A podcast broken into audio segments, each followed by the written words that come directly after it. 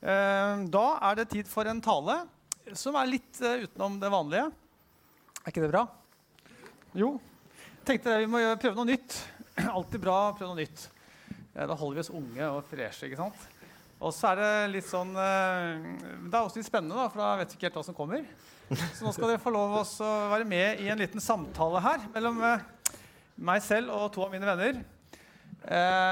Og hvor vi skal snakke om noe vi syns er veldig viktig.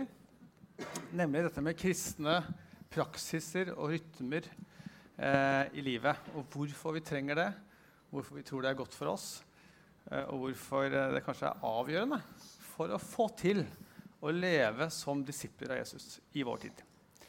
Så mitt navn er Andreas Magnus, og jeg er en del av Eldsterådet her i menigheten. Og så har vi Andreas Nydal og eh, Øyvind Akselsen, som eh, jeg synes det var fint at dere skal få møte de også, for de skal få lov å forkynne for dere seinere i vinter i denne nye taleserien som vi skal i gang med fra i dag, som handler om dette med kristne rytmer og vaner og praksiser. Så dette er litt sånn bro fra det forrige temaet, som var hvem er vi som menighet? Hvordan ønsker vi å ha det? Og da har vi snakket om vi ønsker å ha fokus på å elske Gud, elske hverandre og bevege verden. Eh, men for å få til det, da Hvordan skal vi liksom få til det i praksis? Da tror jeg vi må altså Hvis vi skal bevege verden, så må vi la Gud bevege oss først. Mm. hvordan kan Gud få bevege oss? Da må vi gi han landingsplass i livet vårt. Vi må gi han rom til å virke i livet vårt. Og det er det liksom, Hva er take home message i dag? Jo, det er, det er det disse rytmene er til for. Å gi Gud landingsplass i livet vårt. Eh, gi rom til å lytte til Gud og til å høre fra Han og til å la Han forme oss i sitt bilde. Så det er liksom overskriften. Eh, men jeg, flere gjerne tenker bedre enn én. En, så eh, vi skal prøve å si noe til det sammen. Eh, når jeg sier kristne vaner og praksiser, så eh, tenker kanskje du på ja, lese Bibel, det er viktig. Gå i kirka, dere er jo her nå. Det er veldig bra. Be, ja, det er viktig. Og Det er sånne ting som vi har hørt om mange ganger, og som vi er veldig for. Men så har vi tenkt at vi må liksom legge litt fokus på noen av de tingene som kanskje ikke automatisk tenker på når vi tenker på kristne praksis og rytmer. Eh, så de fire temaene jeg har valgt for vinteren og våren, det er dette med faste. Oi, skal vi drive med det også? Ok, ja vel. Eh, dette med sabbat, hva er det for noe? Hviledagen. Holde hviledagen hellig. Står et eller annet i Bibelen om det. Eh, gjestfrihet. Er det en kristen praksis? Ja, det mener vi. Sjenerøsitet, eh, gavmildhet. Det er de fire temaene vi har satt av tid til å gå til dybden på i vår. Eh, så Vi skal ikke snakke så mye om de i dag. Vi skal snakke om liksom, bakteppet. Det store på en måte, eh, filosofiske, psykologiske og teologiske bakteppet. Hvorfor dette er viktig og nyttig for oss. Og det er dagens eh, agenda. Så lever vi i en tid hvor eh, valutaen i vår tid det er vår oppmerksomhet. Kalles en oppmerksomhetsøkonomi. Så din tid, det er det alle kjemper om. Og de smarteste hjernene i, verden de sitter og klekker ut planer hvordan de skal fange din oppmerksomhet og holde den så lenge som overhodet mulig. For det er der pengene ligger. Da, det betyr at det er en kamp om vår tid. Det er en kamp om ditt og mitt fokus. Og hvordan skal vi forholde oss til det? Vi lever i en kultur som ikke gir oss så mye hjelp som kanskje den ga oss før. Hvor Vi levde med en kristen kultur hvor søndagen var liksom satt til side som en annerledes dag. det, liksom, det, lå litt mer til rette for det. Nå lever vi i en tid hvor ikke det gjør så mye det. Hvordan får vi til det da i den tiden å leve som Jesu disipler? Det er noe av fokuset. Men uh, Øyvind, kan ikke du uh, begynne å si litt Hvorfor har dette blitt viktig for deg, uh, dette med å kristne praksiser? Kan ikke si litt om det? Det kan jeg gjøre. Eh, som dere hører, så har jeg nettopp eh, kommet gjennom en veldig hard influensa som har satt seg litt på stemmen. Så jeg har litt dårlig stemme. Så vi får bare se hvor lenge det bærer. Men jo, dette er en eh, viktig ting. Eh, jeg tenker sånn at vi lever i en veldig overfladisk tid på mange måter. Det skjer mye. Det er mange ting som folk ønsker å være sånn, å få med seg. Og noen ganger så, går, så, kjenner vi et litt sånt ønske om å gå i dybden. Altså om å kjenne, kjenne Guds kraft mer. Eh, og vi har snakka en del om dette med disippelskap. altså det å være en Jesu disippel. Og, og i, i, bunn og grunn så handler det å være en disippel om å organisere livet sitt rundt tre ting. Eh, det ene er å være sammen med Jesus og bruke timene. Det andre, er å bli mer lik Jesus. Det var det de kalte for helliggjørelse i gamle dager. Og det tredje, det er å gjøre de tingene Jesus gjorde. Og hvis vi måtte fokuserer livet vårt rundt dette, så vil det åpne et rom og en mulighet til å erfare Guds kraft. For det var dette Jesus gjorde. Altså han, hvis vi ser på det han gjorde Han trakk seg bort, han ba. Han var sammen med mennesker. Han spiste sammen med mennesker som ikke kjente han. Han, eh, eh, forkynte evangeliet. Altså, han gjorde mange ting. Møtte mennesker. Og når vi, vi er kalt til å gjøre det samme. Og når vi gjør dette, så vil det åpne et rom der vi kan erfare Guds kraft. Og det er det vi vil. Altså Hensikten med kristen praksis er egentlig ikke å gjøre noen aktiviteter. Men det handler om å erfare Guds kraft. Og det trenger vi. Så det er liksom min inngang til dette. Det er mange forskjellige innganger du kan ta til, men det er min. Jeg tenkte på å skyte inn en mulig definisjon da, som jeg har hørt av kristne praksiser, er det å det er veldig enkelt, det er å stille seg slik til at man kan bli velsigna av Gud. Da. Posisjonere seg på en bestemt måte som gjør at en kan bli velsigna av Gud. Mm. Eh, og eh, som jeg var inne på i stad, dette med oppmerksomheten vår, den, den, uh, den, er det kamp om. Og da har det vært mye oppslag i avisene de siste dagene har fått med dere det, av lærere. Jeg er sjøl lærer og kjenner dette veldig i, i hverdagen. hvor han, En lærer ba elevene vise han, liksom, hvor mye tid de brukte på mobilen. Da, for den, den måler jo det. og han var helt sjokkert. da. Opptil 47 timer i uka på sosiale medier.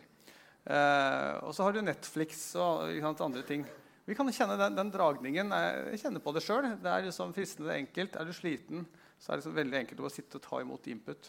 Og så er det ikke alt som er uh, så dårlig med det som er der. Det fins interessante programmer. Jeg kan anbefale f.eks. The Chosen, som vi ser på sammen som familie. Hvor du får mer liksom, innblikk i hvordan var det for disiplene som vi så på skuespill i starten av gudstjenestedag. Hvordan kan det ha sett ut når Jesus gikk rundt med disiplene sine? Utrolig inspirerende. Mm, akkurat sånn. Akkurat sånn var det ser ut, ja. Mm. Eller, eller, eh, eller, på sosiale medier. Du kan være med å sende budskap ut til verden, ikke bare ta imot. Men likevel, det er noe med tiden vår òg. Hvis vi eh, møter eh, våre kristne brødre og søstre til gudstjeneste kanskje en eller to, ganger i, nei, to eller fire ganger i måneden, avhengig av hvilken kirke du går i eh, Det er kanskje et par timer i uka, inklusive smågruppa.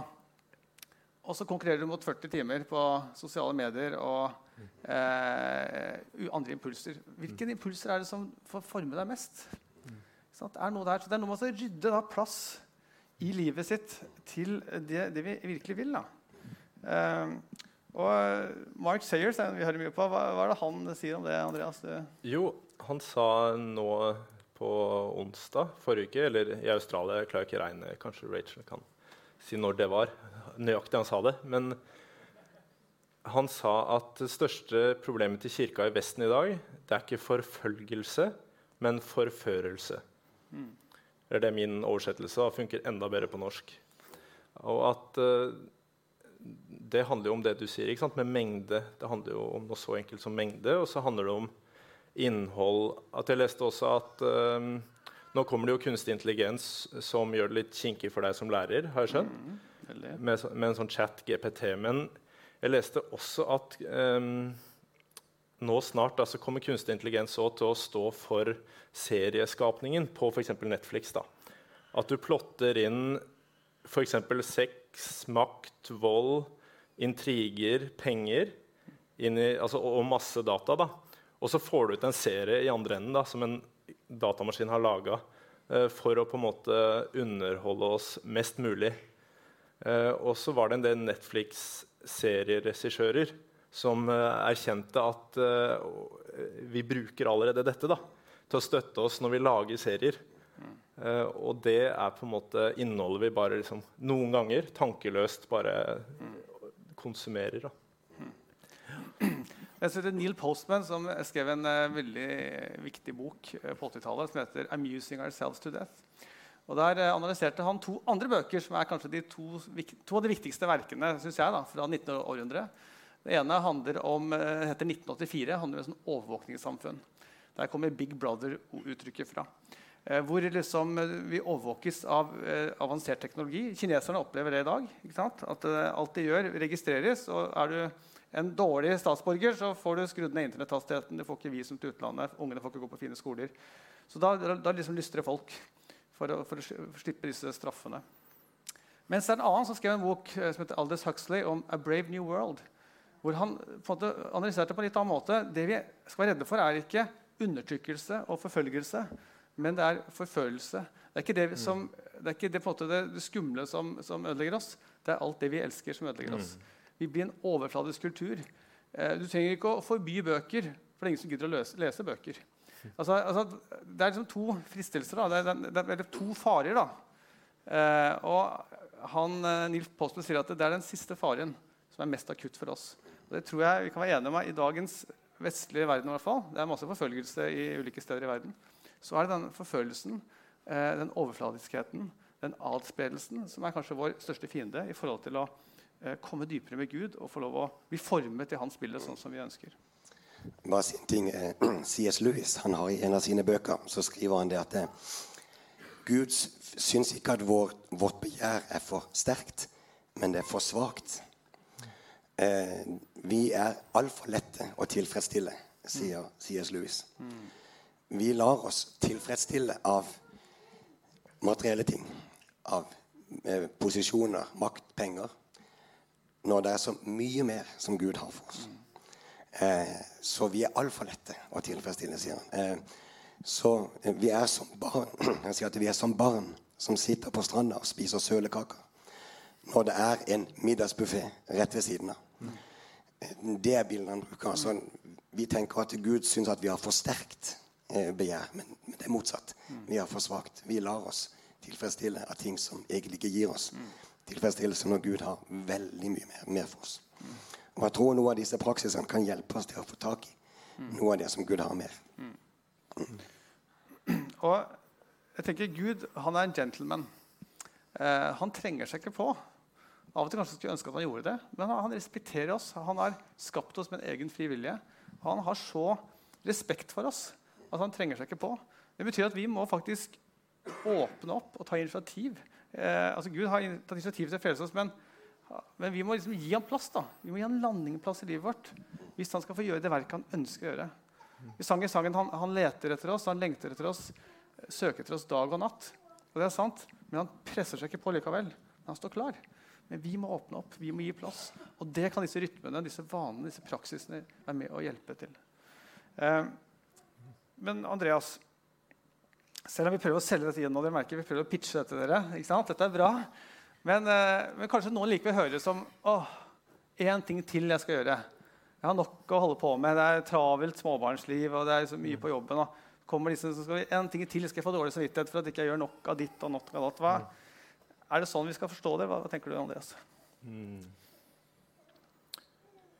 Nei, jeg håper ikke det. da. Det, det, uh, jeg kan også høre det når jeg hører sånne ting. Men jeg tenker det handler om å skrelle, da, skrelle vekk heller enn å legge til. Og så, eh, ja, Samme onsdag som jeg hørte det sitatet, så jeg også på fotballkamp på kvelden. Og Der så jeg en fotballspiller som heter Marcus Rashford, da, som spiller på et veldig eh, godt fotballag. Og Han løp inn på banen, eh, og han er kristen. Eh, og han ba da, da han løp inn. Og, og det har jeg sett tusen ganger. ikke sant? Fotballspillere som ber når de kommer på banen. Men det var liksom som om jeg så det ordentlig for første gang. For jeg så, jeg la merke til noe spesielt, og det var at han, han løp inn. Og så hvordan var det han ba? Han hadde ansiktet vendt oppover, begge pekefingrene oppover, og ansiktet opp sånn hele tida mens han løp. da. Og så tenkte jeg det er jo en god grunn til at han gjør det. Han har, det er fordi Oppe der er det ikke sant, åpent rom. Rundt han er det 75 000 gærne folk som roper navnet hans, og det er så mye støy, og det er mobiler, og de, noen ganger kaster de ting på dem. og det er bare helt sånn. Så hva er det han gjør? Jo, han bruker kroppen sin til en hjelp til å skjerme seg fra støy. Og han vender blikket dit han ber. Og så tenkte jeg ok, kanskje det er en grunn til at disse fotballspillerne gjør det. De alle gjør det. De ser opp. Og så tenkte jeg, hvorfor ikke vi det? Jo, vi, vi sitter jo i alle mulige posisjoner når vi ber. Og, og selv om ikke vi har 75 000 mennesker da, rundt oss som uh, roper og skriker, så kan det noen ganger føles sånn at vi lever midt i bare en sånn jungel av støy, distraksjoner, eh, forpliktelser. Og så tenkte jeg kanskje det er noe å lære av å bruke kroppen sin som en hjelp, da, som en støtte til å fortelle oss at nå er vi i bønn. Og hvem er det vi ber til? Det er Gud. At vi kan, og, og sånn, Det er derfor jeg mener praksiser er på en måte en uh, hjelp da, og ikke en byrde. Fordi det er noe som er med å vende oss litt vekk fra å skifte litt. Vi kan bruke kroppen vår til å, å få en perspektivendring. Mm. Som gjør at vi ser det rundt uh, med nye briller etterpå. Mm. Vil du si noe på det? Ja, jeg kan si litt om en eh, erfaring som jeg har hatt av dette. Eh, jeg vil si at for et, Hvis jeg går to år, to år, tilbake, så vil jeg si at jeg eh, var i kategorien eh, mobilavhengig. Jeg hadde liksom mobil med meg overalt.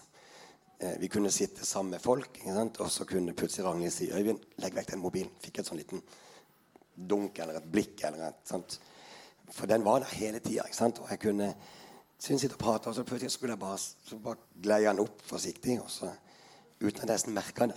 Så plutselig så var jeg inne i et eller annet. Og, så, ja, ja, og det er veldig irriterende hvis du sitter og prater med folk som plutselig gjør det. Så, men så hørte jeg om noe de kalte for sabbat. Og det handler om å i 24 timer Da klokka seks på lørdagen så legger den helt bort. Fram til klokka seks på søndag. Og det var en ganske tøff eh, greie med en gang, skal jeg si det. Eh, for da måtte jeg legge det bort. Eh, sånn fysisk. Sånn, ta det bort, Og ikke bare bestemme for at jeg skal være mindre på mobilen, men jeg måtte faktisk fysisk legge den vekk. Mm.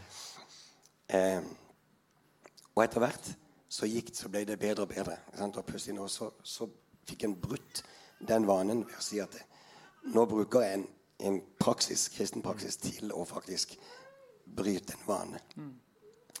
Og det rare var det at eh, det ble ikke bare lett å legge bort mobilen eh, i de 24 timene, men faktisk også resten av uka. Mm. Altså Vanen brytes for hele uka, ikke bare for den tida der man faktisk gjør det. Mm. Eh, men man måtte gjøre en sånn jeg måtte gjøre en sånn fysisk greie. Altså mm. faktisk. Ja. Mm. Det kom inn i det. Bra eksempel. Uh, jeg tenker at uh, det, er, det er liksom lett å tenke i vår tid at eh, alle, alt av rammer det er av det negative. Det begrenser min frihet. Fordi liksom Vår definisjon av frihet i dag det er sånn at eh, en mulighet til å gjøre akkurat det jeg vil, når jeg vil det. Det som jeg føler for der og da. Eh, men det er en annen måte å forstå frihet på også. det er at Frihet er muligheten til å gjøre det som er godt og rett. Ikke la seg drive av impulser og andres forventninger og innfall og sitt eget kjød. Eh, og Det er den friheten Bibelen oppfordrer oss til å søke. Og i, eh, Hvis vi skal oppleve den friheten, så er rammer rundt det en gave fra Gud. F.eks. seksualitet er noe Gud har gitt oss. Men han har gitt oss noen gode rammer rundt det, sånn at det kan bli til velsignelse og ikke til forbannelse. Og Sånn er det på, på andre områder i livet at vi, vi, velger vekk noe for å velge inn noe annet. Vi har bare 24 timer i døgnet. Så Hvis du sier nei til noe, så kan du si ja til noe annet. Sier du ja til noe, så betyr det at du sier faktisk nei til noe annet. Så, så Det er mer sånn vi må se dette med praksiser. Det er ikke liksom en ting på toppen av den andre. Det er, det er en prioritering. Mm. Og så er det noe fra, helt tilbake fra Jean-Jacques Rousseau, som eh, var grunnleggeren av romantikken. Den retningen som var en sånn reaksjon på opplysningstiden som kom, dominerte på 1800-tallet. Og som vi ser mange spor av i eh, postmodernismen i dag. At jeg må, jeg må liksom finne ut er det, eh, Hvem er jeg langt der inne? Hva er det jeg vil? Vær deg sjøl, vær autentisk. Så tenker vi at Det å være autentisk det er liksom å følge mine følelser og lyster til enhver tid. Men er det egentlig det? Du har et annet autentisk jeg som, som, du, som disse følelsene av og til kolliderer med. For eksempel, når jeg giftet meg med kona mi Ingunn, så lovte jeg å være trofast ved hennes side i gode og dager. Så det var noe jeg faktisk ville. Det er en sånn person jeg ønsker å være. Og hvis da et annet øyeblikk jeg kjenner på noen følelser som, som nei, nå var det en ny dame som var veldig attraktiv, sant? hvem er den egentlige meg? Når jeg er mest autentisk, er det når jeg følger de skytelsene, som ofte kan være formet av reklame, av impulser, av andre ting. Eller er det når jeg står ved de beslutningene jeg har tatt? Når jeg var ved mine fulle fem, og når jeg var klar og tydelig og hadde tenkt gjennom ting. Det er faktisk mer autentisk. Og skal vi få til det, så må vi lage noen rammer rundt livet vårt, sånn at vi klarer å være den vi egentlig ønsker å være. Vi skal prioritere det vi egentlig ønsker å prioritere. At ikke vi blir et offer for alle de impulsene, alle de fristelsene, alle de påvirkningene som prøver å fange tiden vår og oppmerksomheten vår. Eh, det er også slik at eh, Vi har utrolig mange valgmuligheter i dag, og det skal vi på mange måter være glad for. Vi har det så godt. Vi er så rike. Har, alle kan bli hva de vil på papiret. Gratis utdanning. Men det ser på de ungdommene jeg er lærer for, det skaper også mye angst. Og veldig slitne.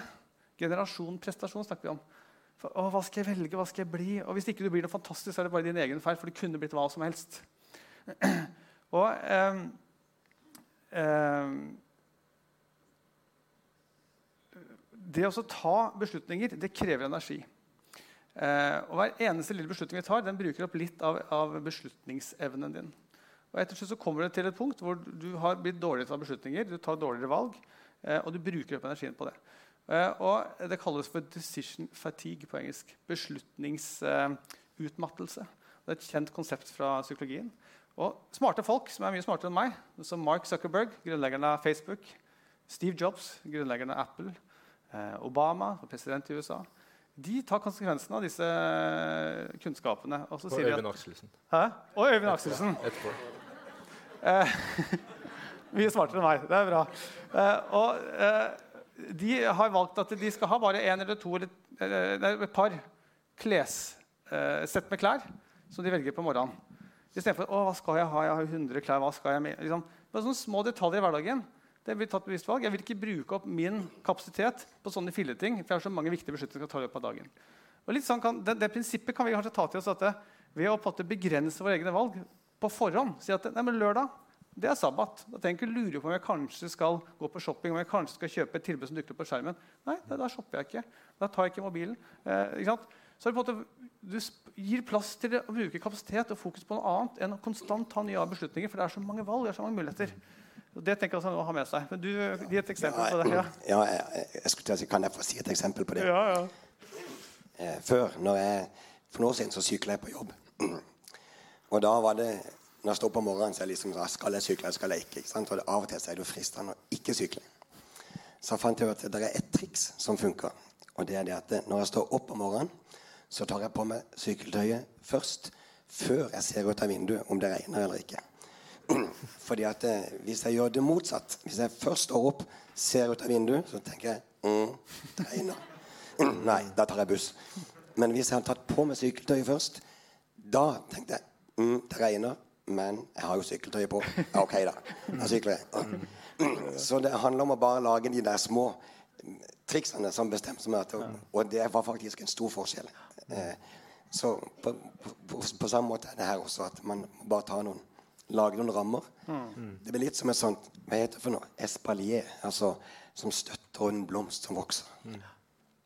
Hvert år så får vi noen sånne tomatplanter fra enten Åshild Båtane eller Linda Augland, som de har til overs. Og så prøver vi å få dem til å vokse, og de må bindes opp. Hvis de ikke bindes opp, så knekker de. Ja. Altså Hvis de skal vokse og bære vi får mye tomater, så må de bindes opp. Så på mange måter så er disse praksisene en sånn espalier. De hjelper oss litt. De binder oss opp litt, sånn at vi kan ja. Veldig bra bilde. Ja. Gir oss en støtte. Et, et ja, gi en støtte. Det var det. Mm. Ja. Stillas. Ja. Eh, apropos dette, da, så eh, jeg får mindre og mindre tro på tankens kraft. Det er litt sånn underlig, da, men det, det skjer at tankens kraftanstrengelse tror jeg mindre og mindre på. da. Og for, i mitt liv så eh, På et tidspunkt så um, så jeg på dette med å være kristen som et sånn intellektuelt resonnement som måtte klikke, eller som måtte gå opp, eller som jeg måtte kjøpe. da. Og det har jeg bala ekstremt mye med. Det der intellektuelle pakka, som på en måte sekvensen da, som man må på en måte kjøpe. Og det har frustrert meg mye da. Og så på et tidspunkt så eh, gjorde jeg det jeg burde gjort med en gang. Jeg bare les, leste Bibelen, f.eks. Og der leste jeg om de disiplene at eh, det var ikke mye eh, de fikk av Jesus av på en måte overbevisning eller eh, fenomener eller sensasjoner før de valgte å følge ham. Mm. Som jeg så deg under treet, følg meg. Ok, slipp alt jeg har i hendene. Altså. Og så måtte de liksom ha spesialopplæring i lignelser. og det var ikke sånn De hadde grepet hvem Jesus var før de begynte å følge han. De begynte å følge han, og så gikk de. da. Og at uh, de gjorde som Jesus gjorde. Det å følge etter noen er å gjøre som de gjør. ikke sant? Og så gradvis så vokste innsikten i takt med eh, meterne de, de tilbakela. da. Mm. Og at det er jo en barnesang som er sånn at det begynner her i toppen. Og mange har kanskje hørt at eh, det er noen som snur den på hodet og sier at eh, det begynner her nede i tærne. da. Og så begynner jeg å gå, og så går det ja, motsatt vei. Jeg husker ikke helt. Mm, ja, ja. Men, mm. Og det tenkte jeg på med Vi snakka litt om Daniel da vi forberedte oss også. At uh, Daniel er liksom forbildet på å leve i eksil. Og vi lever jo i et slags eksil nå. da. Og, som, og han var jo en god, eh, en god borger, samtidig som han hadde noen ting som gjorde at han var litt annerledes. Og de tingene som gjorde at han var annerledes, var praksiser. Det, det, var tidebønn. ikke sant? Det var jo det som felte han til slutt. Og så hadde han en eh, litt sånn underlig diett. Mm. Mm. Ja, og så hadde du Kan jeg si noe om, ja. for det, er litt morsomt med forberedelsen. Det er en forhistorie til Daniel her. Mm. Og det er det at det, eh, det var jo disse kongene ikke sant, gjennom Israel som på en måte, Den ene var verre enn den andre. Og omtrent alle kongene etter hvert var onde ikke sant, etter Samuel og etter eh, Salomo. Så kom det en konge som heter Josia. Og han, han han gjorde det som var rett. Og en dag som de rydda i tempelet, så fant de noen bokruller med loven. Og så tenkte de oi, her er det noe vi har glemt. Her er det noe vi ikke Dette har ikke vi gjort før. Her er det noe som Gud sier til oss. Så begynte de å praktisere. Så fikk han rydda vekk alle disse her gudebilder og sånn. Og så feira de påske.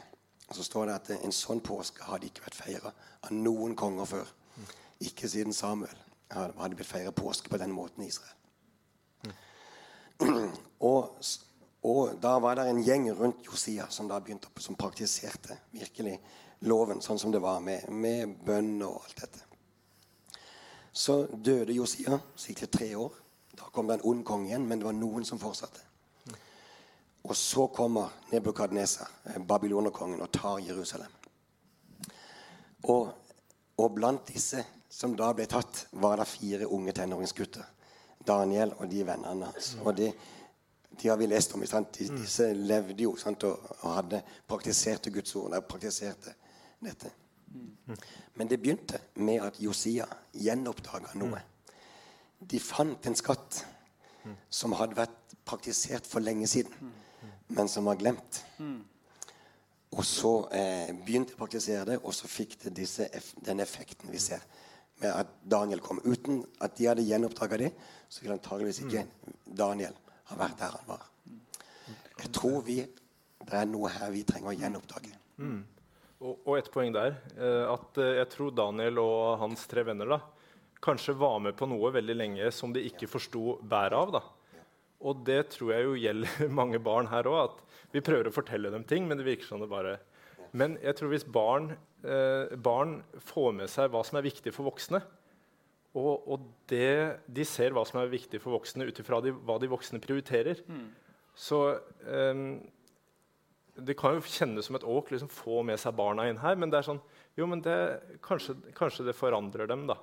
Og jeg bare tenkte på et eksempel. at for Hvis et barn overnatter hos ei tante, og så eh, står barnet tidlig opp og kommer ut i stua, så sitter tanta og har stilletid da, med Bibel eh, og bønn. Fordi det gjør hun hver eneste dag. Og så barnet ikke sant, bare Hva er dette for noe? og skjønner kanskje ikke helt. Men så kan innsikten bare vokse og vokse og vokse. og se at wow, det, Når det blir voksent igjen, så skjønner jeg at det var viktig for henne. Og at det kanskje forandrer og påvirker mer enn alt vi prøver å liksom forklare og kjøpe den riktige barnebibelen. Og, nei, og så hopper vi over enkelte ord for å liksom prøve å ja. Mm. Det er helt sant. Altså, barna de ser på oss og ser hva vi gjør. Og våre handlinger taler mer enn en tusen ord, sier vi sant, i ordtaket. Og det er noe der, De prioriteringene vi gjør, de valgene vi tar, de legger de merke til. Hvis ikke det er samsvar mellom det vi sier og det vi gjør, mm. så oppleves vi som hykleriske. ikke sant? Og når har forsket på eh, de som faller fra troen, det er amerikansk forskning der, da, men jeg tror det gjelder ganske mye det samme i Norge, så er det at ja, pappa de gikk i kirka på søndag, men på mandag så var det ikke noe, kunne vi ikke se noe til Gud liksom, i, i, livet deres. Og da var det liksom eh, det, det, virket som de, det var bare en sånn ting de gjorde men, på søndagen, men det betydde ikke noe mer for dem. Vi så ikke noe spor av det i hverdagen. Og da, da skjønner ungene at dette er bare fasade. Dette betyr ikke egentlig noe. Og da dropper de det. Så, eh, så, det er et kjempeviktig poeng. Og jeg tror dette, dette med at uh, de, gikk, de gjenfant noen av disse skriftrullene i Josia sin tid. Og sånn har det vært gjennom kirkestuen også, at vi, vi, har gjenoppdaget noen viktige sannheter som alltid har gått litt tapt. Og uh, Luther og Calvin det var viktig de gjenopptok det med nåden, som hadde gått litt tapt i, i middelalderen. Og så har vi liksom pinsevekkelsen, som gjenopptok litt det med Den hellige ånd og gavene. Og nå tror jeg det er en sånn bevegelse i verden hvor vi gjenoppdager litt dette med rytmer og vaner. som En sånn ting som kanskje forsvant litt ut med badevannet under reformasjonen. så har det jo mange, vært, mange som flinke på det, Men at vi snakket om det som kirke i hvert fall, eh, i, hvert fall i vår, min generasjon så er det kanskje litt sånn nytt nå at, at, vi gjør det. Og jeg tror det er noe som Gud vil si oss, at dette er viktig, og kanskje spesielt i den tiden vi lever, med, med de, de, utfordringene vi har da, med oppmerksomheten vår. Så eh, det er kjempeviktig. jeg, Hvis ikke dere har noe veldig som brenner, så, så eh, tenker jeg dette med eh, dualismen eh, Det er også noe som preger vår tid. En tenkning som man hadde mye av blant de første kristne. Og hele Johannes' evangelium er skrevet med en knallhard brodd mot gnostikerne, som delte opp eh, kroppen og sinnet og ånden. Det var to forskjellige ting. Eh, og Ut fra det kom det masse vranglære. F.eks. at Jesus kan ikke være Gud, for Gud vil ikke ta bolig i en, en kropp, for kropp er jo noe dårlig. Ikke, liksom, og, og, Den tanken ser vi spor av i vår tid også. Sånn vi skiller da det åndelige og det kroppslige. Eh, og Du ser det på en måte aller mest uttrykt i, i dette med transideologien, hvor, hvor måte, du kan være født i feil kropp. Kroppen er helt løsrevet fra hvem du er. Kroppen er bare et skall. Men også mange kristne har tenkt sånn i perioder hvor liksom at vi skal liksom, denne kroppen og den er elendig og bare dra meg hit og dit. Jeg skal liksom befri meg fra kroppen, og så skal liksom sjelen opp til himmelen. Men det er veldig en sånn ubibelsk tanke som er blitt uh, smittet av Platon og denne ideen som, om at vi er på en måte en sånn todel, todeling. Og, ja, Vi ser det i, i andre verdensreligioner også. men det å tenke at liksom, troen skal også være noe kroppslig du snakket om dette med at det begynner i, ikke her i toppen, og så går det gjennom hele kroppen. Det begynner i tærne, og så går det opp til hodet. Altså at vi former oss med de valgene vi tar. da. Og en heter, som heter James K. Smith, som er professor i filosofi i Canada, som har skrevet en veldig interessant bok som heter 'You Are What You Love'. Og Han tar tak i dette som Paulus sier, at eh, det jeg vil, det gjør jeg ikke. Og det jeg ikke vil, det gjør jeg. Og når Paulus, den liksom største apostelen, forfatteren av mesteparten av Nytestamentet, kan si det. Er det da håp for oss? Liksom? Hvis ikke han får til å gjøre det han egentlig vil. Jo, men da sier han at det, det som er greia, er at vi, eh, vi, vi, må på en måte trene hjertet vårt til å ønske det riktige. Eh, og eh, så kan jeg si at Det vi gjør mye av, det vil vi ønske mer av. Så bruker han et eksempel fra sitt eget liv, da, hvor han, han var ikke noen sånn treningstype. i det hele tatt. Og så var det en gang legen sa at nå må du begynne å trene, for han hadde dårlig score på disse testene. Så, så begynte han å trene. Og så etter hvert så hadde han gjort det og kom i siget. Og så begynte han liksom å ha med seg joggeskoene ut og reiste. Og så, så av og til glemte han joggeskoene. Så gikk han ah, nei, jeg savner joggeturen. jeg savner det. Oi, det som jeg egentlig hata før, nå, nå begynner jeg å savne det. For jeg har meg til å gjøre det. Så det er for at vi kan trene opp hjertet vårt gjennom praksiser. da. Så får vi, så det, alle vaner er liksom litt sånn tunge i starten. Det er tungt å begynne med nytt. Det, er, det krever litt innsats. Men etter hvert vil vanene begynne å bære deg. Du må velge de først, og så bærer de deg litt. Det er noe der. da. Så det er på en måte å ta med kroppen i, i det vi gjør, og eh, det tror jeg er veldig sånn smart. Eh, og eh, vi skal ikke tenke Og, og da er dette med kjødet er jo fort at vi tenker at eh, det er der litt av problemet ligger. Da, at Eh, kjøttet det drar oss. Nå har de jo bestemt i den nye bibeloversettelsen at eh, det skal skiftes fra kjød til kjøtt. Eh, og jeg vet ikke hvor mye det har å si, eh, men det, det, kan fort signalisere litt at det, at det, er noe galt med kroppen vår. Men, men kroppen vår, når Gud skapte oss, sa han, det er godt. sa han. Hele skaperverket er godt. Slik at det, Vi må ikke tolke det som at vi skal, liksom, nå skal vi undertrykke alle liksom, kroppslige behov. Sånn som de tenkte, eh, disse gnostikerne. Eh, fordi Mye av det er, er helt naturlig, naturgitt eh, fra Gud. Eh, men det den, når, når, det tar overhånd da, Paulus sier jeg har lov til alt, men ikke alt gagner. Jeg har lov til alt, men ikke, ingenting skal få makt over meg. Så, den, så Gjennom å ta noen bevisste valg, da, det med om faste, gjennom sabbat, så velger vi på en måte å ok, nå har jeg lyst til noe, men jeg, nå lar jeg være å følge lysten min. og nå har jeg tatt et valg og gjør noe annet.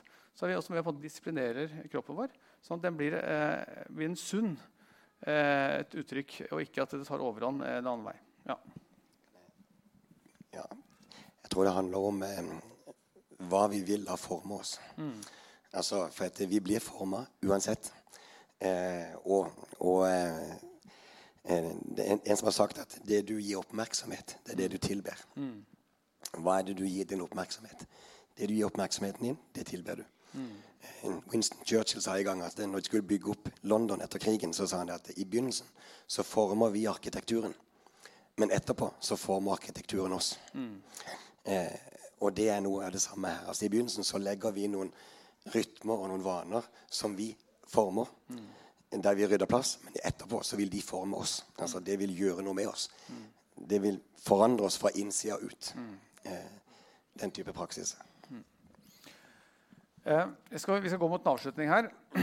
Og, eh, men det som vi gjerne vil få fram, da, er at dette er ikke liksom, Nå skal vi ta sjøl i nakken og skjerpe oss og liksom gjøre flere ting.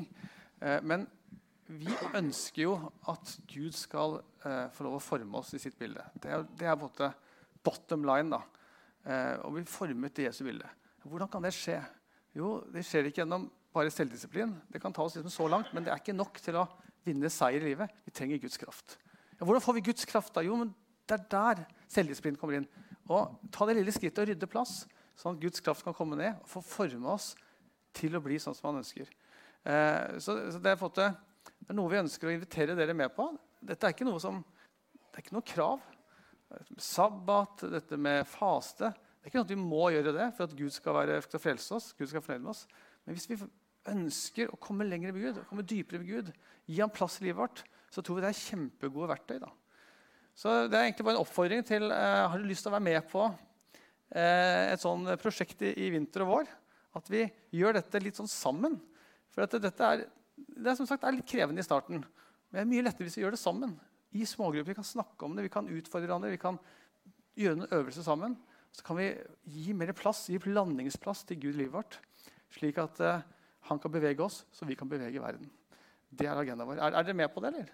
Er dere motivert for det? Ja? Har vi klart å pitche det til dere? Det er det vi prøver på her. Eh, da er dere iallfall hjertelig velkommen. Så jeg har lyst til å avslutte med en, en, en, eh, en bønn. Kjære far, takk at eh, du har gitt oss livet. Så har du gitt oss frelsen, gitt oss tilgivelse. Vi er så takknemlige. Og så har du mer for oss. Eh, du ønsker ikke at vi skal sitte og spise gjørmekake på stranda når du har et, en buffé dekket for oss. Du ønsker å ta oss lenger. Ikke for at vi skal eh, liksom, eh, bare ha det så fantastisk sjøl, men for at vi skal få lov å bety noe for de rundt oss også. For nabolaget vårt, for landet vårt, for denne jorda som du har gitt oss og bedt oss forvalte. Og det er ikke slik at Vi skal liksom dra med oss folk til en himmel. Nei, vi skal dra himmelen ned til folket her nede. For du lengter å bo midt iblant ditt folk. Og En gang så skal himmelen og jorden forenes. Og du skal komme ned og bo midt iblant oss, Herre. Eh, og Det lengter vi etter. Og ditt rike, Vi ønsker å utbre ditt rike. Og det skjer vi når, når, får, når, din vilje skjer i våre liv. Da trenger vi å rydde plass Herre. Vi ønsker å rydde plass til deg. Hjelp oss, Herre, å rydde plass til deg. Gi landingsplass til Din Hellige Ånd, så han kan få virke i våre liv og våre fellesskap. Vi ønsker, vi ønsker deg velkommen i livet vårt, inn i fellesskapet vårt. Gjør ditt verk i Jesu navn. Amen.